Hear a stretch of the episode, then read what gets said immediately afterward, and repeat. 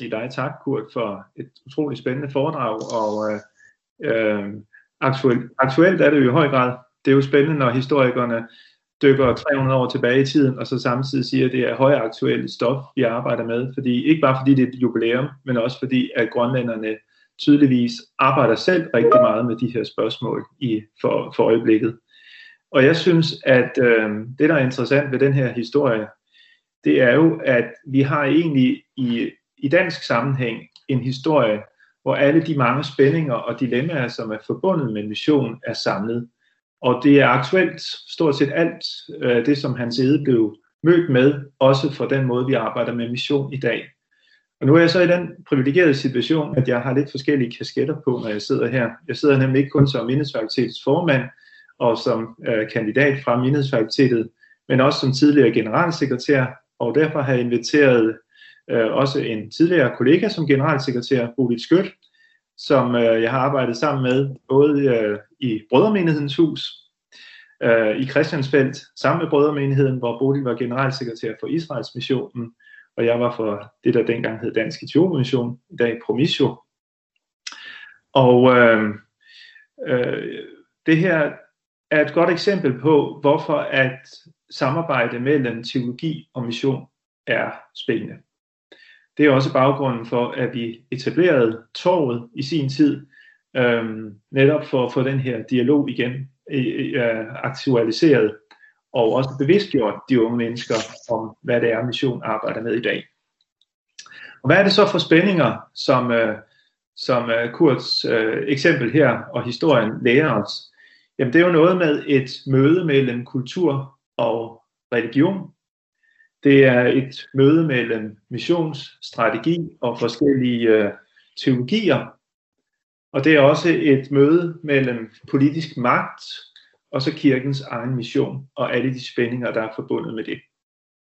Og øh, jeg vil gøre det sådan her, at jeg vil øh, stille nogle spørgsmål øh, til, øh, til Kurt og til, øh, til Bodil, men også med mulighed for, at I, der sidder og hører med, også kan rejse hånden og, øh, og komme med nogle spørgsmål. Og øh, det allerførste spørgsmål til dig, Bodil, det er, øh, du og jeg, vi har begge to siddet som generalsekretær og oplevet, at der skal gøres rigtig meget økonomisk og logistisk arbejde, når man sender missionærer afsted. Jeg har lavet mig fortælle, Kurt, øh, og det kan du måske bekræfte eller afkræfte, jeg har det fra øh, hvad hedder han, Kim Leinums bog, øh, bøger, to spændende bøger om missionen på Grønland, tendentiøse bøger, vil jeg sige, at han sidder også havde kør med ombord, da han sejlede øh, til Grønland. Øh, hvilket viste sig ikke at være en succes. De havde svært ved at klare sig i de grønlandske forhold. Men det viser meget godt, at man slæber rigtig meget civilisation med sig, når man skal være missionær. Og øh, Bodil, hvilke dele af civilisationens såkaldte nødvendigheder slæber missionærer med sig i dag? Det kunne jeg godt tænke mig at, øh, at spørge dig om jeg, jeg synes for det første, at det, først vil jeg lige sige tak til Kurt også for bare sådan en utrolig uh, vel gennemtænkt og vel uh, præsentation af uh, hans ære. Og jeg sidder jo og tænker på, at uh, på mange måder er han jo simpelthen så forbillede på så mange måder, men han er jo så også en del af en historie, som ikke nødvendigvis har fulgt op på den, altså hans tankesæt og hans måde at gøre det Bodil, må jeg lige... Man kan sige, når man hælder rød Vil du ikke lige ja. tænde kamera? Det har du ikke. Jeg kan ikke se dig i hvert fald. Jeg har tændt mit kamera. Okay, jeg, øh, jeg kan desværre ikke se dig, men det håber andre kan. Nej, det, altså, jeg kan se mig selv nede i hjørnet, men der, man kan ikke sådan få panelet op. Man kan ikke, der er ingen, der kan styre, at når man taler, så kan man ses. Okay. Det ved jeg ikke. Altså, er der mulighed for det? Uh, I kan ikke lave et panel, jeg der står med teknikken. For jeg sidder også og skal lede efter de folk, der taler. Ja. Uh, Fortsæt bare, Bodil. Okay. Uh, ja. Spørgsmålet var, det der med at tage civilisationen med sig ud, når man rejser ud som missionær. Og hvad, hvad har missionærerne egentlig med sig i bagagen, både af civilisationsudstyr og kulturel bagage? Altså, øh, for det første, så har vi jo, øh, altså, kan vi jo aldrig totalt sådan, altså go native, øh, fordi vi kommer derfra, hvor vi gør, og det synes jeg, man bare skal være realistisk øh, omkring. Og så har man jo forsøgt, hvad skal man sige, at, at begrænse den, den skade, som man nu jo altså kommer med, fordi man er, øh, man, man kommer til at bringe noget af sig selv med, som ikke er en del af det, man egentlig gerne vil. Og det er rigtig svært at, øh, at undgå. Jeg synes jo, i dag er vi jo i en situation egentlig, hvor, hvor den måde, som du tager øh, hans ede på, den findes jo stort set ikke længere i form af missionsarbejde. Vi kommer ud som eksperter på et IT-projekt, eller vi kommer ud som underviser på et seminarium, eller vi kommer som, altså, på en helt anden måde, sådan så at vi ikke øh, står som dem, der først skal til at bryde den der øh, nye jord. Og det tænker at det er både godt og skidt, øh, forstået på den måde, at øh, måske er, er muligheden for at gøre skade mindre, øh, men det betyder også, at, at øh, at vi aldrig får lavet det der øh, en kulturation, hvor vi bliver en del af kulturen. Dels er vi der for kort tid, og dels så øh, øh, kræves den opgave, vi har, ikke nødvendigvis, at vi sætter os ind i den kultur, som vi er kommet til, med den konsekvens, at det budskab, som vi er en del af, enten vi skal være IT-virksomhed, eller vi skal være undervisere, at vi aldrig for helt formår den kommunikation ind i den kultur, øh, som er. Øh, og det er, det synes jeg jo er, er ærgerligt, at vi er der ofte som en del af et projekt, men egentlig ikke som et øh, udpræget samarbejde med, øh, med, med de kirker, som vi er. Jeg synes, jeg oplever det anderledes her, hvor jeg er lige præcis nu, hvor der måske er en større nysgerrighed, eller har været fra missionen til en større nysgerrighed på at forstå den kultur, som er her. Hvor altså, øh, jeg, jeg, jeg men han siger, viser, at han havde stor interesse for den kultur, han kom til, men han var jo også enig om, at jeg skal kende den her kultur, fordi jeg skal have afleveret mit budskab jeg skal kende det grønlandske sprog, fordi jeg skal aflevere, de har brug for det, som jeg har. Øh, jeg ved ikke, hvor meget han stillede spørgsmålet, hvad kan grønlænderne lære mig? Altså, hvad er der i en fælles vandring? Øh, øh, den, den tror jeg måske var der, var der mindre af. Og det er måske noget af den, den, som jeg oplever lige præcis, hvor jeg er nu her i en østlig kultur, en nysgerrighed efter, hvad det, hvad det religiøse klima, som er her, hvor vi kommer, øh, har at bidrage med, så det bliver en fælles vandring. Mm. Når det så er sagt, så har jeg lyst til at sige, at, at mission jo altid vil gøre skade. Mm. Og det lyder jo forkert, men, men jeg, jeg tror, det er et udtryk, jeg har lært af Joel Edwards, tidligere generalsekretær i Evangelisk Alliance, og leder af det der MICA Network, som du kender også, øh, Sune, fra dit arbejde, hvor han siger, the gospel is liable to do damage. Mm. Og det er jo fordi evangeliet vil... Oversæt lige for os, Jamen altså, evangeliet har det i sig, at det kommer til at gøre skade. Mm. Fordi det vil forandring. Altså, det vil noget nyt. Og dermed er der noget, som bliver ødelagt.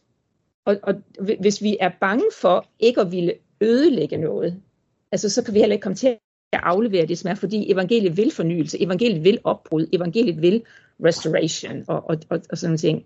Og det synes jeg, vi skal vedkende os, at, at evangeliet er liable, er, er, det, er, det kommer til at gøre skade, for det bringer noget nyt. Mm. Øh, og hvis den der ideologi, den meget romantiske forståelse af, at den oprindelige kultur skal bevares, øh, øh, det, det, det skal den ikke. Altså, øh, evangeliet vil noget nyt og vil noget andet.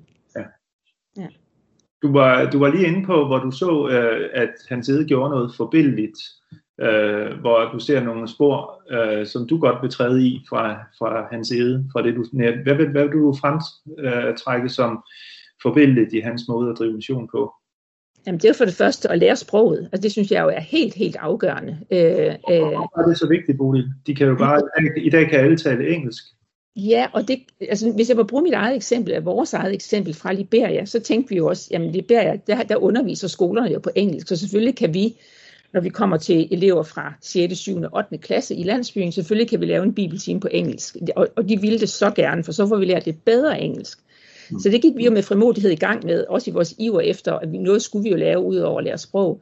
Men da vi så blev gode nok til det lokale sprog, så vi kunne ændre, så at nu kom bibeltimerne foregå på det sprog, som jeg ikke kunne så godt, men som de andre kunne rigtig godt, så pludselig så kommer det der forklarende blikke over ansigt, når det er det, det betyder, når det er sådan, man skal forstå det, når nu nu falder, nu falder tiøren, øh, og det forudsætter øh, et sprogligt kendskab øh, til det. Og jeg kan jo se det her, hvor vi er nu, hvor den kinesiske kultur er rigtig meget, hvad skal man sige, sådan antikristen. Og det har blandt andet noget med sproget at gøre. At man aldrig er kommet ind og fået lært øh, på det her sproget godt nok.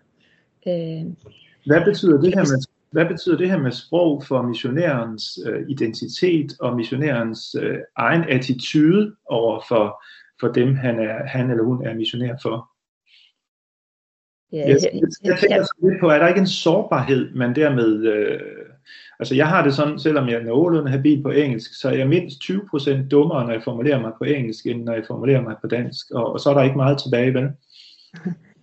Nej, men det er vel meget godt, at man som missionær kommer ned på det der altså stadie, hvor man skal lære at gå, altså lidt det der som at kravle, og så lærer man at gå, og så på et tidspunkt kan man måske løbe. Øh, og være i den situation, tror jeg, giver en, en ydmyghed, som er øh, god, men det giver også en ubehagelighed. Altså det er rigtig træls at være øh, i den situation, fordi man tænker, hey mand, jeg kom jo som eksperten, gjorde jeg ikke det? Og så oplever jeg mig, at, at det er jeg ikke. Øh, så der er en sårbarhed i det, men som jo er en, øh, en, en, en positiv ting i forhold til øh, værdigheden hos de andre, nysgerrigheden hos de andre. Jeg, har, jeg mener, det er, det er mig, der har brug for de andre, og ikke modsat. Og det er en rigtig god situation at, at tage sit udgangspunkt i, mm. øh, er min erfaring. Ja. Mm. Den er træls. Ja. Er du begyndt at lære lidt, lidt kinesisk? Nej, det, altså her igen, altså vi skal jo kun være her de her, og det bliver så ikke engang 10 måneder, og som det var tænkt, men, men som 8 måneder. Øh, men øh, ja, det, det er jo helt tydeligt, at øh, min begrænsning i at kunne være en del af samtalen, hænger utrolig meget sammen med, at jeg ikke kan sproget. Ja. Sådan er det bare. Ja. Tak skal du have, Bodil. Kurt, jeg vender lige tilbage til dig. Nu skal vi lige have hørt om det der med køerne, om det har noget for sig. Det er bare et kuriosum, det er jeg godt klar over, men uh, har det noget for sig? Ja, det er rigtigt nok, men uh, man tænkte, at det kunne, være, det, kunne være, det kunne være godt at have køer, så man også have mælk om vinteren. Og, og ja. uh, for øvrigt så, så har man jo, så vidt jeg forstår, så, så har man jo landbrug på Grønland nu, men, men på lidt anden måde. Men altså, de, de havde køer med, og de havde også, der var også en, en anden sjov historie, det var, at, at man havde planer om, at, at nu skulle man altså finde, nu ville kongen altså have fundet de der nordboernes bygder på østkysten, så han sendte nogle heste med, sådan at man kan ride fra, fra Godthåb på hesteryg over, over øh, isen til østkysten.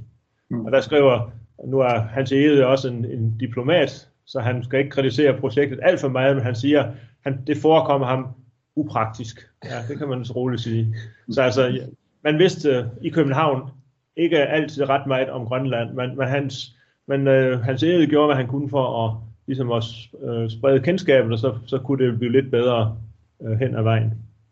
Men, men altså, det, i forbindelse med det, som Bull uh, fortæller om missionærerne, så, så kan man jo ligesom, man kan se det for sig, at den her øh, norske præst i sin præstekjole, så, øh, så, så er der uvær, og så kravler han øh, ned på knæ, og så kravler han ind i sådan en grønlandsk hytte, og så overnatter han der på lige fod med, med de grønlænderne. Og, det, og, øh, og stanken ind i hytten er så, er, så, øh, er så voldsom, så han nogle gange er nødt til at gå udenfor og brække sig øh, på grund af luften. Men, men altså af kærlighed til grønlænder, så, så ved han, at det er der, det er der, han skal ind og være, hvis han skal have lydhørighed for sit budskab.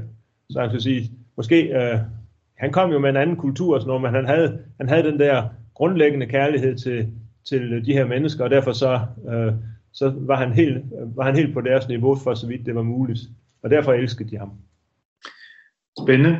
Og jeg kan nævne, at det er jo en, det er jo en attitude, missionærer jævnligt bliver udfordret af, det der med at skulle spise øh, den mad, som er så fremmedartet for dem selv, øh, eller være i nogle lugte og dufte, som er meget fremmedartet. Øh, jeg husker fra et gadebørnsprojekt i Etiopien, hvor det var endda etioper, som fortalte, at hvis de skulle vinde gadebørnenes tillid, så måtte de sætte sig ned på gaden og spise det mad sammen med dem, som gadebørnene havde samlet op fra containerne, der havde stået der i solskin i mange dage. Og det var også ofte med opkastninger til følge.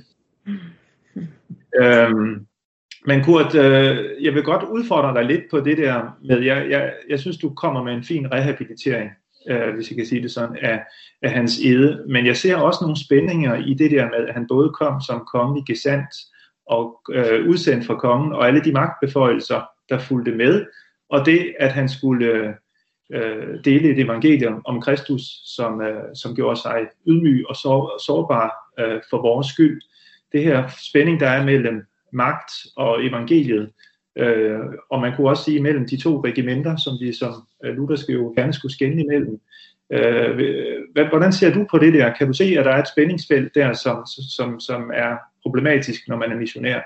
Hmm. Og formåede, og formåede hans, hvad tænkte hans æder om det, som den jo meget ortodoxe lutherske teolog han var? At han skulle skelne mellem de to regimenter.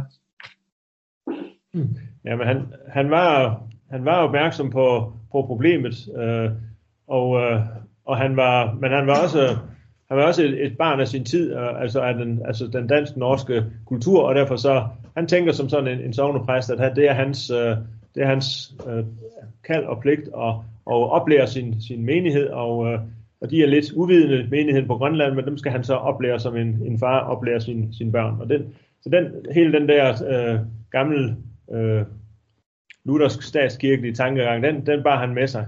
Men, men han, han følte, han følte dilemmaet på den måde, at han var ked af, at han skulle bruge så meget tid på at være på ordentlige praktiske forhold. Han ville hellere have brugt al sin tid på at, at forkynde.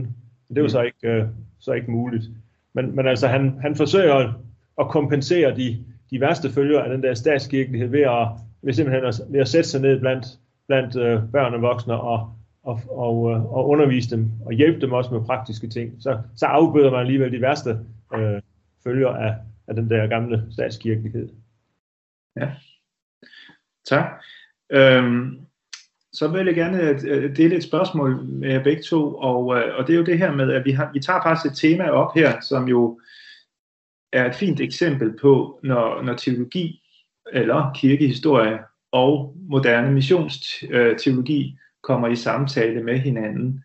Øhm, Bodil, det var jo noget af det, der var visionen bagved, at vi stiftede torvet i sin tid. Dengang repræsenterede øh, vi der vores visionsselskab, og øh, øh, hvor ser du aktualiteten i den her, med hans ede som eksempel, i forhold til det samarbejde, som du gerne vil have, øh, torvet skulle være et udtryk for?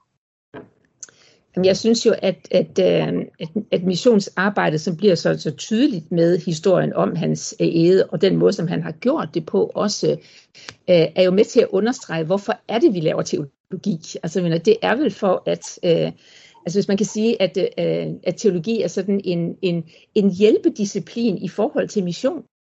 Øh, det er jo, når evangeliet skal ud og omsættes ude, og det er så sådan set lige meget, om det er i en, øh, en asiatisk kontekst, hvor jeg er lige nu, eller det er i den afrikanske, østafrikanske eller vestafrikanske kontekst, hvor vi begge selv øh, har været, eller det er i en dansk, øh, en dansk kontekst nu, at kendskabet til øh, dem, som man skal formidle det til, øh, er mindst lige så vigtigt som hvad skal man sige, en forståelse af budskaber. Og jeg kan jo godt nogle gange synes, at vi bruger utrolig meget for, altså krudt på hvad skal man sige, at forstå, hvad betyder det her?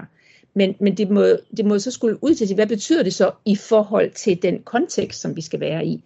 Mm. Og på den måde så, øh, hvordan fortæller vi historien om, hvordan fortæller vi Bibelens historie på en sådan måde, at den bliver et svar på de spørgsmål, øh, som dem, vi gerne vil fortælle historien til, har. Mm. Mm. Øh, og det synes jeg jo er øh, vigtigt, også i en dansk kontekst. Hvad er det for nogle spørgsmål, evangeliet giver svar på? Og, og det der med at blive bedre til at, og hvad skal man sige, at fortælle historien, uden at skulle sige, og det betyder så, at du skal gøre sådan, eller tro sådan, eller indrette dig sådan der. Men at vi kan alle sammen i dag grine af, af kirkeovler i Afrika, eller finske missionærer, der skulle have deres sauna med, eller øh, at en kirke skulle have glasmosaikker for at være en rigtig kirke, og sådan noget der. Øh, men at der er en tid i det. Men hvor er det, at vi alligevel selv i dag giver den historie, som Bibelen fortæller, den, hvad skal man sige, den livsanskuelse, som Bibelen fortæller, måde at se livet på, hvordan er det, vi giver den en bestemt indpakning, for at vi ligesom siger, at det er sådan, du skal forstå det, det er sådan, du skal leve den ud, eller er vi villige til at, hvad skal man sige, så den som en surdej, som et øh, frø, der dør og spiger, og så vokser det op, uden at vi skal have kontrollen over, hvordan det vokser op. Mm. Fordi det er den kontekst, i hvilken den vokser op, når folk finder, her er der svar på det, som jeg spørger efter. Og så må de finde ud af, hvordan det svar så skal udfoldes. Ja, tak. Kurt, øh, hvad tænker du? Kan du se øh, et eksempel i øh, hans historien for, hvorfor vi har det her samarbejde omkring toget? Ja, det, det synes jeg godt, jeg, jeg kan. Altså der, når man, når man som hans ede øh, kaster sig ud i sådan et, et pioner-missionsprojekt på Grønland, så, så opstår der jo problemer, som som øh, ja, altså spørgsmål, som, som han øh, kun kunne løse, fordi han, han var sådan, øh, han havde læst øh, teologi hjemmefra. Altså, hvornår skal man døbe børn? Øh, det var et stort debatemne. Altså, hvornår er det berettigt at begynde at døbe børn? Og der, der træffer han nogle, øh, efter min mening, ret øh, fornuftige beslutninger om dåbspraksis på Grønland. Men det, det kunne han så gøre, fordi han havde en teologisk øh, basis med hjemmefra. Og den, og, og den der, så altså hvis vi uddanner øh, teologer godt i på MF, øh, jamen så har de forhåbentlig en god basis, sådan at når de bliver kastet ud i nogle nye problemstillinger øh, som missionærer, så, så, er man, øh, så er man i stand til at, at komme med en fornuftig øh, løsning på, på de problemer, som man ikke har måske har tænkt på før, men man har en basis for det. Det ville man ikke have haft, hvis man ikke, hvis man ikke man havde kendskab til, godt kendskab til de bibelske skrifter, Luthers teologi og kirkens historier, og hvad man ellers lærer på teologi. Og så modsat, når man så missionærerne kommer øh, med, med deres erfaringer fra andre kulturer, så, så er det med til at og, øh, ja, sætte, sætte nogle teologiske overvejelser i gang, som vi måske glemmer i Danmark, fordi vi, vi, øh, vi lever i vores lille øh, lukkede verden her. Så altså mission og missionsarbejde i praksis, og så teologisk øh, overvejelse og studie, det, det er jo, de kan virkelig befrugte hinanden meget, meget stærkt. Kan man, kan man måske spidse det lidt til og simpelthen sige, at, øh, at når teologi og mission er øh, i den der øh, vekselvirkning med hinanden, at så er det med til øh, for teologiens vedkommende at gøre det mere øh, dynamisk, øh, omstillingsparat, øh, udviklingsomstilling, hvad det, altså i forandring og tilpasning, og omvendt så er det med til at give missionen forankring. Ja, det, det, ja, det kan man så godt sige sådan, altså det giver øh, teolog, teologi i Danmark kan godt blive en, en lidt, øh, altså at stå i fare for ligesom at blive en lidt øh, indelukket og, og snæver ting, men, men så kommer missions, øh, så får vi input fra ydermission og, og internationale missionsarbejder, det, det er virkelig med til at udvide horisonten ud over vores lille andedam, og det, det kan man også i høj grad bruge, hvis man bliver øh, præst i, i Danmark, fordi man har brug for den der videre horisont. Øvrigt så at Danmark jo, mange danske sovne har jo har et stort islet af internationale øh, kulturer, og derfor har man, har, har man også som dansk præst øh, meget gavn af at have, have lært noget om, om andre kulturer gennem, gennem mødet med international mission. Mm. Ja. Bodil, du har hele tiden, øh, hele dit liv øh, arbejdet i det her spændingsfelt mellem teologi og mission. Øh, hvad, øh, altså, hvad tænker du her? Det er 10 år siden, vi stiftede torvet. Er det ikke det? Er det ikke 10 år i år? Jo, øh, det er jo i 12, så vi har et år, et halvt år mere, eller sådan noget, til vi når derhen. Uh, ja. Vi er jo ikke i mål, vi er jo ikke i mål endnu, er vi vel? Nej, og jeg tænker, hvis ikke det her, altså det er jo en, uh, altså det er en dialog, som hele tiden skal udfordres, fordi mener, øh, jeg tror, du kender fra din egen tid som generalsekretær, jeg er sikker på, at jeg kan spørge min afløser, og du kan spørge din afløser og sige, når I nogensinde ligesom op til overfladen, eller er I bare sådan nok at gøre med bare at finde ud af næste budget, og, og øh, så, nej, vi skal købe den der bil, og sådan noget. Hvornår er det det der refleksionsrum omkring, øh, hvad, hvad betyder, altså hvad, hvad, er, hvad, er den, hvad er de missiologiske udfordringer her? Den er det rigtig, rigtig svært som generalsekretær i et lille missionsselskab at komme frem til. Samtidig med, at jeg kan også opleve, at nogle af de øh, nogle af de dietologiske diskussioner, som kan findes på i en kaffestue på torvet, øh, de tænker også, og hvad har det så lige med øh, hverdagen derude at gøre? Øh, så, så den der øh, gensidige befrugtning og gensidige udfordring af hinanden, ej, det synes jeg på ingen måde, vi er øh, i mål med. Jeg oplever, at, øh, at mange af, altså, at, af nye teologer, når de kommer ind, trods alt har en... Øh, har et ønske om at sige, hvad betyder det her, og det er så måske ofte i forhold til en dansk kontekst, men det, det er jo også en missionsmark, altså ikke også, hvad betyder det så, når jeg skal ud og snakke med, med de her mennesker. Og den der øh, gensidighed, den, øh, men jeg tror, det er, øh, det er Chris Wright, som jo har skrevet Cape Town-erklæringen, som på mange måder er sådan et godt missionsdokument øh, for meget evangelikal mission fortsat. At, men at der er ikke noget mission uden en teologisk refleksion. Og der er ikke noget teologisk arbejde, som, som det er kun rigtigt, hvis det fører til missionen. Mm. Altså hvis man siger, når hvis teologien betyder det her, så må jeg ud og skal have det afleveret. Og gensidigt, hvis jeg står her og skal aflevere det, hvad er så de teologiske begrundelser for, at jeg skal have det afleveret? Hvor, hvor er det, at... Øh, fordi, hvad skal man sige, hvorfor spørgsmålet til enhver missions generalsekretær, det må være, hvorfor, hvorfor, skal, hvorfor skal du det her? Hvorfor skal du have købt en bil? Hvorfor skal du have lavet et budget? Hvorfor skulle du have gjort det her? Og det er nødt til at være et teologisk svar. Ja.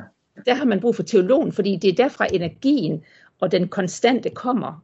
For ellers så bliver det kun et spørgsmål om, hvor mange penge får jeg samlet ind, og, og øh, altså sådan nogle ting. Og det er jo ikke i bund og grund det, det handler om. Altså det handler om noget, der er langt dybere og langt større. Mm. Gud lod sig inkarnere, og den historie om ham skal stadigvæk inkarneres og tage form. Øh, og det er derfor, der er missionsselskaber. Og det er også derfor, der er teologi, mm. tænker jeg. Ja. Mm. Ja, jeg synes, at vi skal... Øh, Sune. Vi skal, ja, hvad siger Paul? Hvad siger der sidder og følger med bagved? Ja. Hvis, øh, altså Anna har Anna øh, Kiel har markeret for et stykke tid siden, det kan du måske ikke se, men det, øh, det, det har hun. Anna, værsgo.